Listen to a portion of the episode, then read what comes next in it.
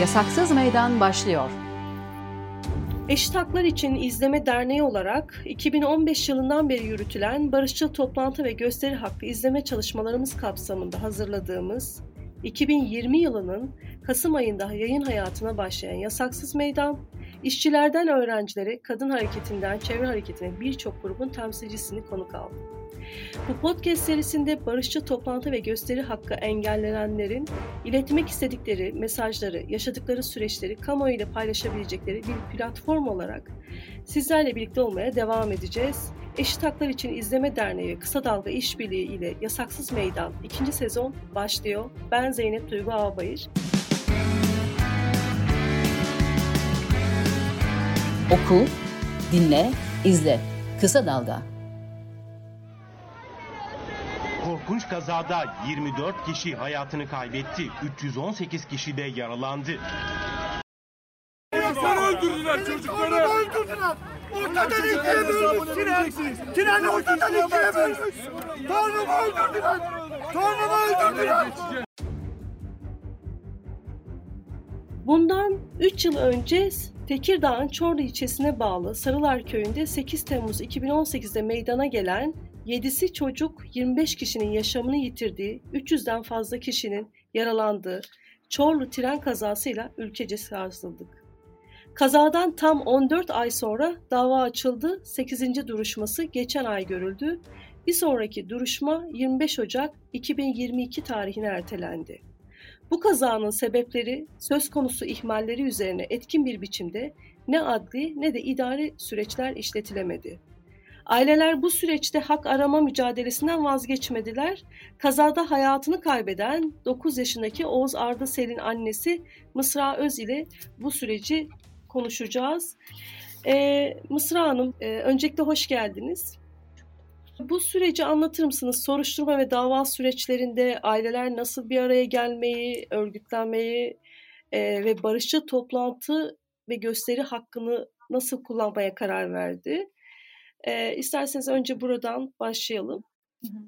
Şimdi Çorlu tren katliamı yaşandıktan hemen sonra zaten biz e, kaybettiğimiz canlar için hastanede, e, olay yerinde, e, olay yerinden hastaneye ayrılırken traktörün üzerinde aslında her birimiz birbirimizi görmüş, e, tanıdık simalar olarak hafızaya kaydetmiş, birbirimize su uzatmış, e, işte merak etme sağ salim bulunacak diye birbirimize teselli vermiş insanlardık. Ama tabii ki e, o günün kargaşası ve e, yoğunluğuyla birlikte hiçbirimiz e, birbirimizi hatırlamıyorduk. Sonrasında bu katliam yaşandı, e, sevdiklerimizin kaybettiğimizi öğrendik ve e, üzerinden çok değil 15-20 gün belki bir ay geçtikten sonra e, teker teker birbirimizi aramaya başladık. E, ben ilk Funda ablayı aradım. Funda abla e, zaten kız kardeşi Aysun abla da Sena'yı kaybetmişti. E, Uzun Köprü'de babamlar yani Hakan'ın babası, annesi ve babası yaşadığı için orada yakınlarını kaybedenler birbirlerini buldular ve biz dedik ki bir arada toplanalım, bir konuşalım dedik. E, bu vesileyle de bir araya geldik. Yani e, aslında olay oldu, yaşandı. Daha acılarımız diriyken ve tazeyken e, biz birbirimizi tanımak için ve bu acıyı birbirimizle bölüşmek adına e, birbirimizi bulduk, bir araya geldik. E, o gün yaşananları anlattık birbirimize. Çünkü herkesin e, kendi tarafından yaşadığı gerçek başkaydı. Fakat ortak noktalarda buluştuğumuzu fark ettik. Mesela e, biz olay yerindeyken her birimize ayrı ayrı telefon gelip şu hastanede e, oğlunuz, e, babası da yanında, sağlıklılar, tedavi görüyorlar, hastaneye gelin. Ya da işte aynı anda Zeliha ablaya da telefon gidiyor. İşte kız kardeşin ve kızın buradalar. E, bir tek Beren bebeği bulamıyoruz. Atlayın hastaneye gelin. E, gene aynı şekilde Sena'nın ailesine. E, biz konuşurken bunu fark ettik. E, oradan çıkarttığımız konu şuydu. Bizi olay yerinden uzaklaştırmak için gelen, e, nereden geldiğini bilmediğimiz telefonlardı bunlar. Tabii o kadar çok telefon trafiği var ki. E, yani şöyle söyleyeyim. Mesela bizim yakınlarımız hastaneleri arıyorlar. Diyorlar ki işte bu hastanede Hakan Sel, Oğuz Ardasel var mı? En sonunda e, Çorlu'da bir tane hastanede diyorlar ki evet Hakan Sel, Oğuz Ardasel biraz önce getirildi. e, gayet iyi durumdalar. E, sizin gelmenizi bekliyorlar. Ben de olay yerindeyim. Olay yerinden traktöre biniyorum. E, traktörden amcasını arıyorum.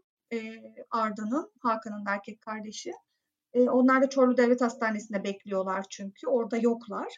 E, diyorum ki hani şu hastanede, özel bir hastane bu. Şu hastanedeler, oraya git, ben de geliyorum diyorum.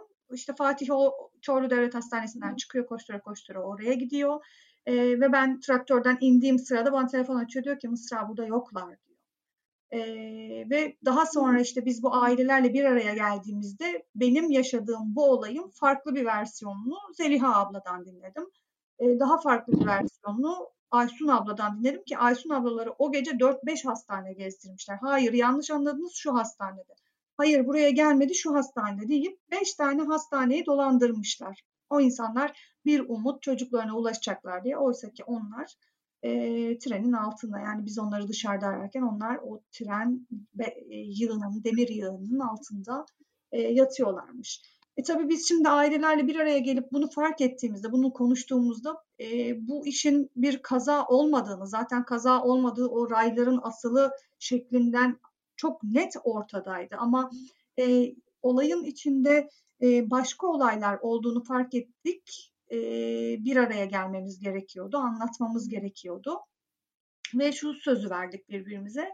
E, dava süreçlerinde biz birlikte olacağız birbirimizden ayrılmayacağız, birbirimizden kopmayacağız. Gerçek sorumlular, gerçek cezaları alana kadar da her dava adına verilen kararı ortaklaşa birlikte vereceğiz dedik ve bugüne kadar da hep böyle geldik. Hiçbirimiz birbirimizden kopmadık ve bu süreçte dediğim gibi yani avukatlarımız ortak yani birbirini tanımayan avukatlar olsa bile avukatları da bir araya getirdik. avukatlar bize bir fikir verdiklerinde ortak konuşarak bir WhatsApp grubumuz var. E, o WhatsApp grubu üzerinden konuştuk, yazıştık ve netleştirdik her şeyi. Böyle bu şekilde karar aldık. Kazadan sonra ilk duruşma 14 ay sonra görülmüş. Hı hı. Ee, üzerinden geçen son 3 yılda da soruşturma ve kovuşturma ya da mahkeme süreçlerinde birçok eksiklik, hukuksuzluk hatta cezasızlığın sinyallerini veren gelişmeler yaşandı. Bu süreçte de bir yandan aileler ve aktivistler olarak adalet talebiyle eylemler yapıldı. Ee, siz bu duruşmalara giderken kaza değil cinayet diyerek yürüyüşler yapıyorsunuz her e, duruşmaya giderken. Bu süreçte herhangi bir müdahale oldu mu? E, çevredeki halkın tepkisi oldu mu? E, süreci biraz bize anlatır mısınız? Hı hı. Ee, ilk duruşmamızda e, çok ciddi bir müdahaleyle karşılaştık biz. E, hem mahkeme heyeti tarafından hem e, emniyet güçleri tarafından, jandarma tarafından. E, şu anda biraz daha tabii azalmış durumda bu bize gösterilen tepkiler. E, çünkü şöyle mesela ilk duruşma günü e, biz olay, e, daha doğrusu ilk duruşma salonuna gidene kadar e, karşımızda bizden çok e, emniyet güçleri vardı. Yani polisler vardı, jandarma vardı işte yolun şurasından yürümeyin, buradan çıkmayın, işte şu hizada yürüyün, bağırmayın. E, sürekli ellerinde kameralarla bizi çekiyorlar. Zaten her duruşmada bunu yapıyorlar. E, duruşma salonuna girmek için e, çok ciddi aramalardan geçirdiler bizi. E, daha sonrasında biz duruşma öncesinde büyük bir salon talep etmiştik. Çünkü kalabalık bir duruşma olacak. E, en az 300'den fazla yaralı var e, katılımcılar çok, gelmek gelecek olan ve destek verenler çok diye bir duruşma salonunu talep etmiştik. Fakat duruşma salonunu da küçük ayarladıkları için bizim ilk duruşmada içeriye girmemizle birlikte bazı arkadaşlarımız, annesini babasını kaybeden bazı arkadaşlarımız salonun dışında kaldılar. Ve e, ilk defa böyle bir olay yaşandığını söylüyor avukatlarımız. E, mahkeme kapısının salonu, yani mahkeme salonunun kapısı bizim üzerimize kilitlendi e, ve içeride emniyet güçlerinin üzerinde silah vardı. Tabii biz e, aşırı tepki verdik. Yani işte hani dışarıda arkadaşlarımız var, salonun kapısını üzerimize kilitleyemezsiniz. Emniyet güçlerinin üzerinde silah var ki bunlarla ilgili her biriyle ilgili de suç duyurusunda da bulunduk daha sonrasında. E, hatta o sırada bir tane arkadaşımız, annesini babasını kaybetmiş bir arkadaşımız Esra. E, Esra içeride kaldı, salonun dışında da abisi kaldı. Esra içeride fenalaştı, abisi içeri giremedi diye kapıyı yumru, yumrukladı. E, o sırada kapıyı yumrukladığı için daha sonrasında Esra'ya dava açıldı. e, mahkeme kapısına zarar vermekten, devlet malına zarar vermekten e, Esra'ya duruşma yani soruşturma açıldı ve da Esra davalık oldu. Sanık oldu yani. Bir ailelerden bir tanesi de bu şekilde sanık oldu. E, o olaylar yaşandığı sırada mahkeme heyeti mahkemeden çekileceğini söyledi ve biz ilk duruşmayı bu şekilde e, ciddi bir baskı, gereksiz bir baskı, gereksiz bir orantısız güç, e, gereksiz bir anlayışsızlıkla karşı karşıya kalarak ve o kadar beklediğimiz mahkeme gününü, duruşma gününü e, hayal kırıklığıyla e, yaşayarak bitirdik. Daha sonrasında ertelenen duruşmada yine tabii ki aynı mahkeme heyeti geldi. Kabul olmadı onların e, çekilme talepleri.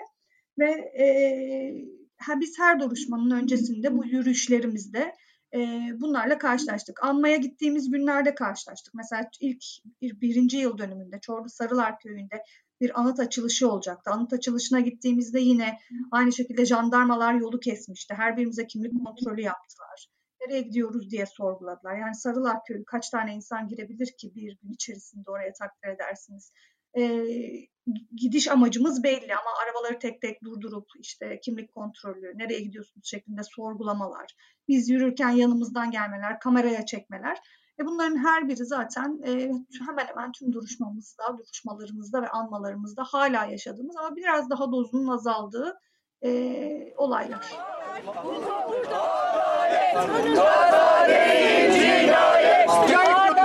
Emin müdahale ediyordun, saygılı ol. Arkadaşım- Ailelere saygılı ol. Evet, tek şeriden şuradan Hayır, tarafa rica ediyorum. şuradan döneceğiz. Bakın tek şerit. Trafik kontrolü Pankartı önüne açalım. Pankartı önüne açalım. Pankartı önüne açalım. O gün trenin altından bedenleri daha çıkmadan müdahale edemeyen kamu kuruluşları bugün bizim karşımıza bir sürü polis dikmiş. Bizi mi koruyorlar, bu binadakileri mi koruyorlar? Şunu söylemem gerekiyor ki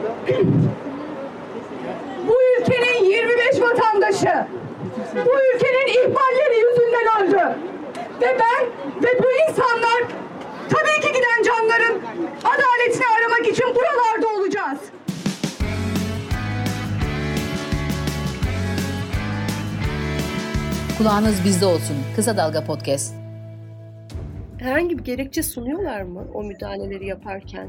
İşte valilik talimatı ya da hani herhangi bir kurumdan bir talimat var gibi. Valilik talimatı her zaman için öyle. Valilik talimatı bu yüzden. Görevlerini yapıyorlar. Görevlerini yaptıklarını iddia ediyorlar. E, bu süreçte de e, daha önce yapmış olduğunuz eylemliklerde kamuoyunun tepkisi nasıl oluyordu? Yani şöyle, e, bu olay biliyorsunuz Çorlu'da yaşandı, Trakya topraklarında yaşandı ve biz e, uzun köprüden başlayarak trenin geçtiği her e, Trakya ilçesinde bir araya geldik ve e, adalet nöbeti yaptık. E, orada sevdiklerimizin fotoğraflarını koyduk ve Çorlu'da yaşanan katliamı anlattık. Bu katliam Trakya'da olmasına rağmen e, Trakya insanı bizim yanımızda olmadı. E, bazen dönüp dediler ki böyle bir kaza mı olmuş? Bu insanlar Trakya'da mı ölmüş? Burada mı ölmüş? Aa tren mi devrilmiş? Dediklerine de şahit olduk. E, of burada kalabalık yapıyorsunuz. Niye burada toplantınız deyip bizi eliyle iten. Yani insanlar e, orada birleşen ve sesini duyurmaya çalışan insanların ne amaçla orada durduğunu e, merak etmekten ya da sorgulamaktan korkuyorlar. Aman işte bunlar uygunsuz bir şey yapıyorlar, devlete karşı geliyorlar, polise karşı geliyorlar. E, yanlarından dahi geçmeyelim mantığıyla ve düşüncesiyle böyle karşı kaldırımdan böyle bir etrafımızdan uzaklaşarak sanki biz canlı bombaymışız gibi etrafımızdan uzaklaşarak geçiyorlar. Ee, ve hiç ilgilenmiyorlar ne yazık ki. Yani bu olayı Trakya'da yaşandığı halde en çok Trakya'da e, can kaybı söz konusu olduğu halde e, biz bu şekilde e, Trakya'da e, o ilçelerde Çorlu'da, Tekirdağ'da, Lüleburgaz'da e, halkın desteğini gerekli ölçüde alamadık. Ne yazık ki alamadık. Ama e, tabii ki kendi gönlünden yanımızda olmak isteyip de gelen tek tük insanlar da, ol, da olmadı değil. Yani adalet nöbetimize her gün gelen bir teyzemiz vardı mesela. Yakından da takip ediyorum ve yanınızdayım diyen. E, ya da işte e, sosyal medya üzerinden işte yanınızdayız diye mesajlar atanlar oldu. Kamuoyunun bir şekilde bilgisine ulaştırdık. Yani bir, bir şekilde bilgilendirmeyi, Çorlu'nun bir katliam olduğunu, e, hiç bilinmeyen bir olayken çığ gibi e, bilinmesine sebep e, olabilecek e, etki ve eylemleri gerçekleştirdik ama ben size şöyle söyleyeyim, e, üçüncü yılın içindeyiz.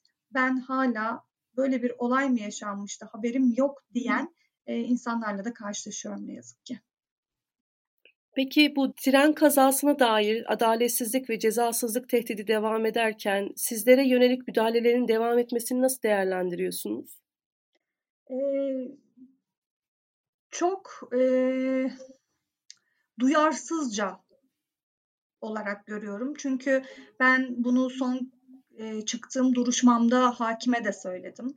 E, orada emniyet güçlerinin e, hakkında yapmış olduğu polise darp ve mukavemetten e, açılmış bir davam vardı geçen ay görülen. E, yani şunu söyledim ben 1.60 boyunda bir kadınım.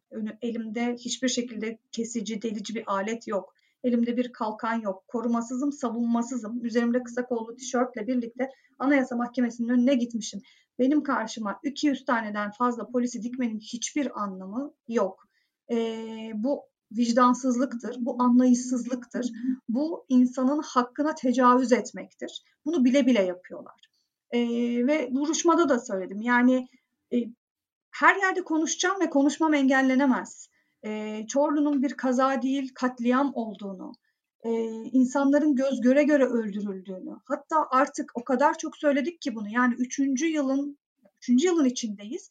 E, son görülen duruşmada dahi e, artık mahkeme heyeti bile bunun bir kaza olmadığına, bir katliam olduğuna ikna olarak e, hep taksirle ölümden bahsedilirken kasta çevirdi olayı. Yani olası kasta çevirdi olayı ve bundan sonra karşıma karşısına gelecek olan tüm sanıkların olası kas suçundan değerlendirileceği, yargılanacağının maddesini ortaya koydu. Bu da demek oluyor ki Çorlu zaten en başından beri söylediğimiz kaza olmayan, katliam olan, göz göre göre insanların öldürüldüğü bir e, olay. Bunu her yerde tabii ki söyleyeceğim. Giden canım için de söyleyeceğim başka canlar yanmasın diye de söyleyeceğim. Tek amacımız bu ve bunu e, bize bir şekilde susturarak önüne geçmeye çalışıyorlar. Çalışacaklar da e, ama engel olamıyorlar çünkü unuttukları ve atladıkları bir şey var. E, Oğuz Arda benim tek evladımdı. Benim bu hayatta kaybedecek hiçbir şeyim kalmadı. 2019 yılında e, Anayasa Mahkemesi'nin önünde yaşadığınız müdahale, e, neden orada toplanmayı seçtiğinizi anlatabilir misiniz? Tabii e, biz e, Anayasa Mahkemesi'ne bir başvuruda bulunacaktık. Bugüne kadar e, 2019 yılına kadar olan e, yapmış olduğumuz suç duyurularında, işte başvurularda e, hiçbir ilerleme, hiçbir e, gelişme söz konusu olmayınca aynı şekilde Anayasa Mahkemesi'ne de bir başvuru yapmak istedik ve e, o başvuruyu yapmak üzere Anayasa Mahkemesi Ankara'ya gittik e, tüm ailelerden katıla, katılan e, bir takım kişilerle birlikteydik. Bunlardan işte e, aramızda Ekrem amca vardı. Eşini aynı tren kazasında kaybedip e, trenin içerisinden kendisi bir şekilde çıkan ama işte 60 yaşında olan Ekrem amcamız. E, keza onun oğlu ve onun çocuğu vardı 7 yaşında. E, yani böyle çoluk çocuk olarak gittik biz oraya ve biz oraya gittiğimizde aslında polislerle e, bir parkta e, karşı karşıya geldik. Bize çok iyi niyetli bir şekilde şunu söylediler. Dediler ki hoş geldiniz. E, yolculuğunuz nasıl geçti? İşte ne için buradasınız? Biz de e, gayet net bir şekilde şunu anlattık. Dedik ki Anayasa Mahkemesi'ne bir başvuru yapacağız. Bu başvuruyu yapmadan önce de basın açıklaması yapacağız. Daha sonrasında da başvurumuzu yapıp buradan ayrılacağız dedik. İlk başta hiçbir şey yoktu. Fakat sonrasında ne olduğunu anlamadığımız bir şekilde e, bize dediler ki Anayasa Mahkemesi'nin tam karşısında, kapısının tam karşısında bir park var. Biz de o parkın önünde duruyoruz. Bize dediler ki bu kaldırımda açıklama yapamazsınız. Anayasa Mahkemesi'nin önünde de açıklama yapamazsınız. Biz açıklamamızı nerede yapabiliriz? Parkın içinde. E, o gün de hafta içi ve e, Haziran ayıydı. E, Mayıs ya da Haziran olması gerekiyor. Okullardan servisler geliyor, çocuklar geliyor ve işte o servis aracından iniyorlar ve yürüyerek o parkın içine giriyorlar. E, ben de polise şunu ifade ettim. Dedim ki yani gördüğünüz gibi buraya servis araçlarıyla çocuklar geliyor ve çocuklar yanımızdan yürüyerek gidiyor. Onlar için hoş bir şey değil. Burada ölen çocukların fotoğrafları var. Ee, onlar buraya eğlenmeye gelmişler. Burada evladım öldü diye bağıran anneler, babalar var. O yüzden onların gözünün önünde böyle bir açıklama yapmak istemiyorum. Ee, benim açıklama yapmak istediğim yer zaten Anayasa Mahkemesi'nin e, içinde olan kişiler, savcılar, hakimler. Ben sesimi zaten onlara duyurmak istiyorum ve ben sesimi bu e, bu başvuruyu neden yaptığıma dair basına duyurmak istiyorum. O yüzden benim yerim parkın içi değil, Anayasa Mahkemesi'nin kapısının önüdür dedim. Hayır dediler o kaldırıma geçemezsin dedim ki yani ben hangi kaldırımda yürüyeceğimi size sormayacağım. Ya da hangi kaldırımda açıklama yapacağımı size sormayacağım. Sorarsın, soramazsın, sorarsın, soramazsın, geçersin, geçemezsin e, tartışmasıyla birlikte e, ben geçeceğimi söyledim. Aileler de e, eşlik ettiler. Orada vekiller vardı.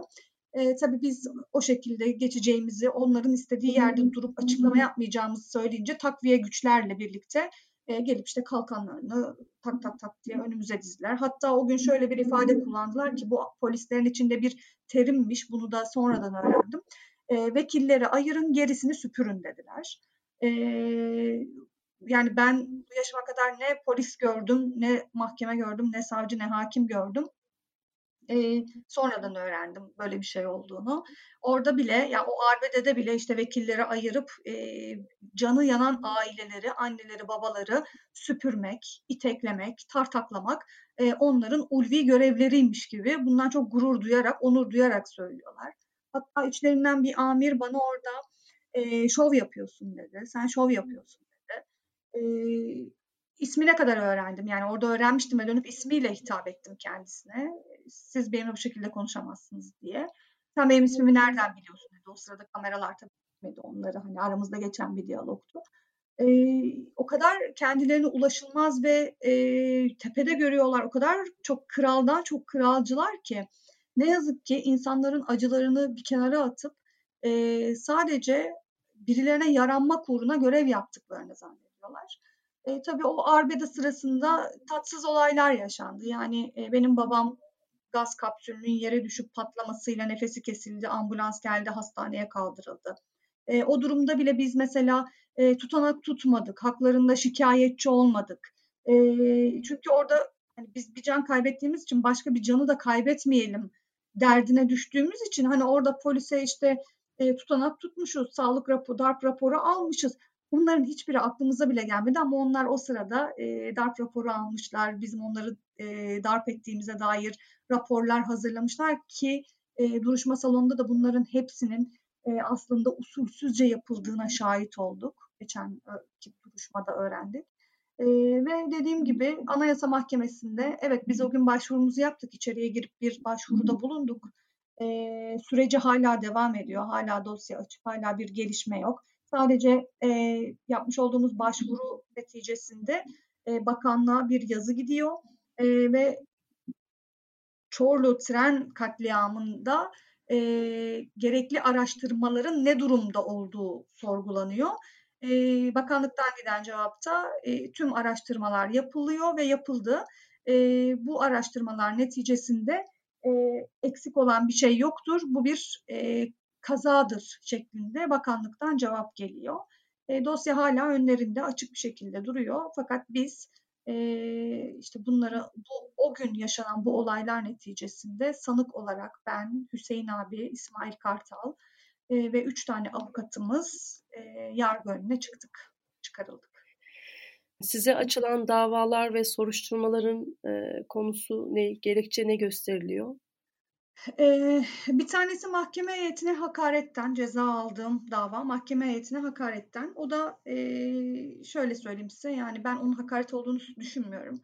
E, üç yıl geçti mahkeme heyeti hala e, karşımızda bir tane gerçek sorumluyu e, çıkartamadı. Bir kişi bile tutuklu yargılanmadı.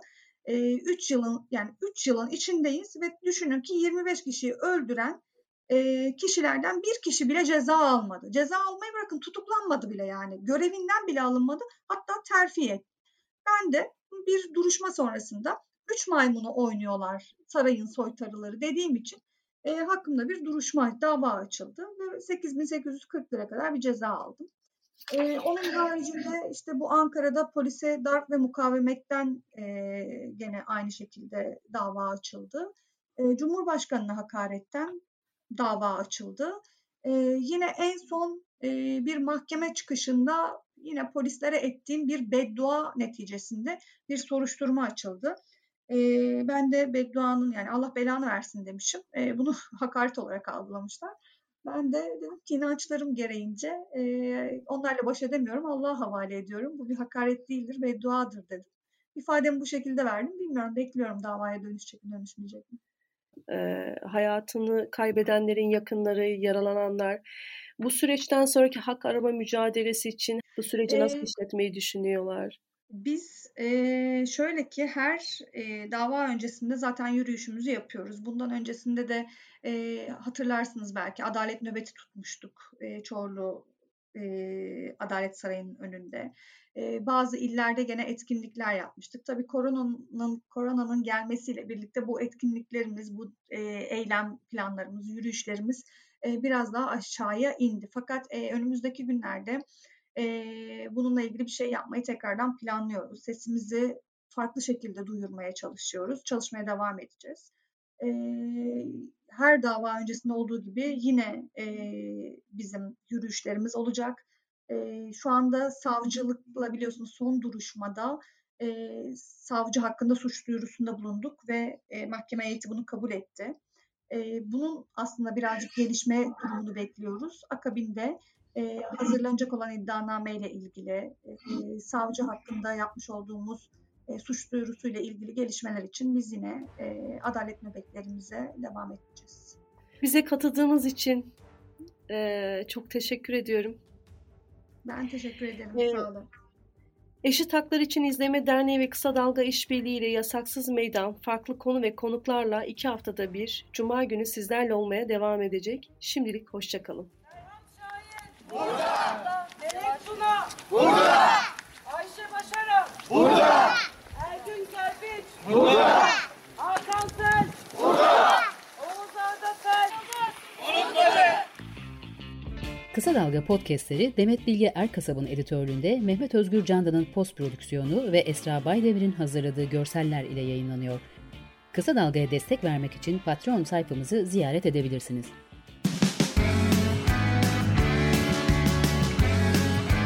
Oku, dinle, izle. Kısa Dalga.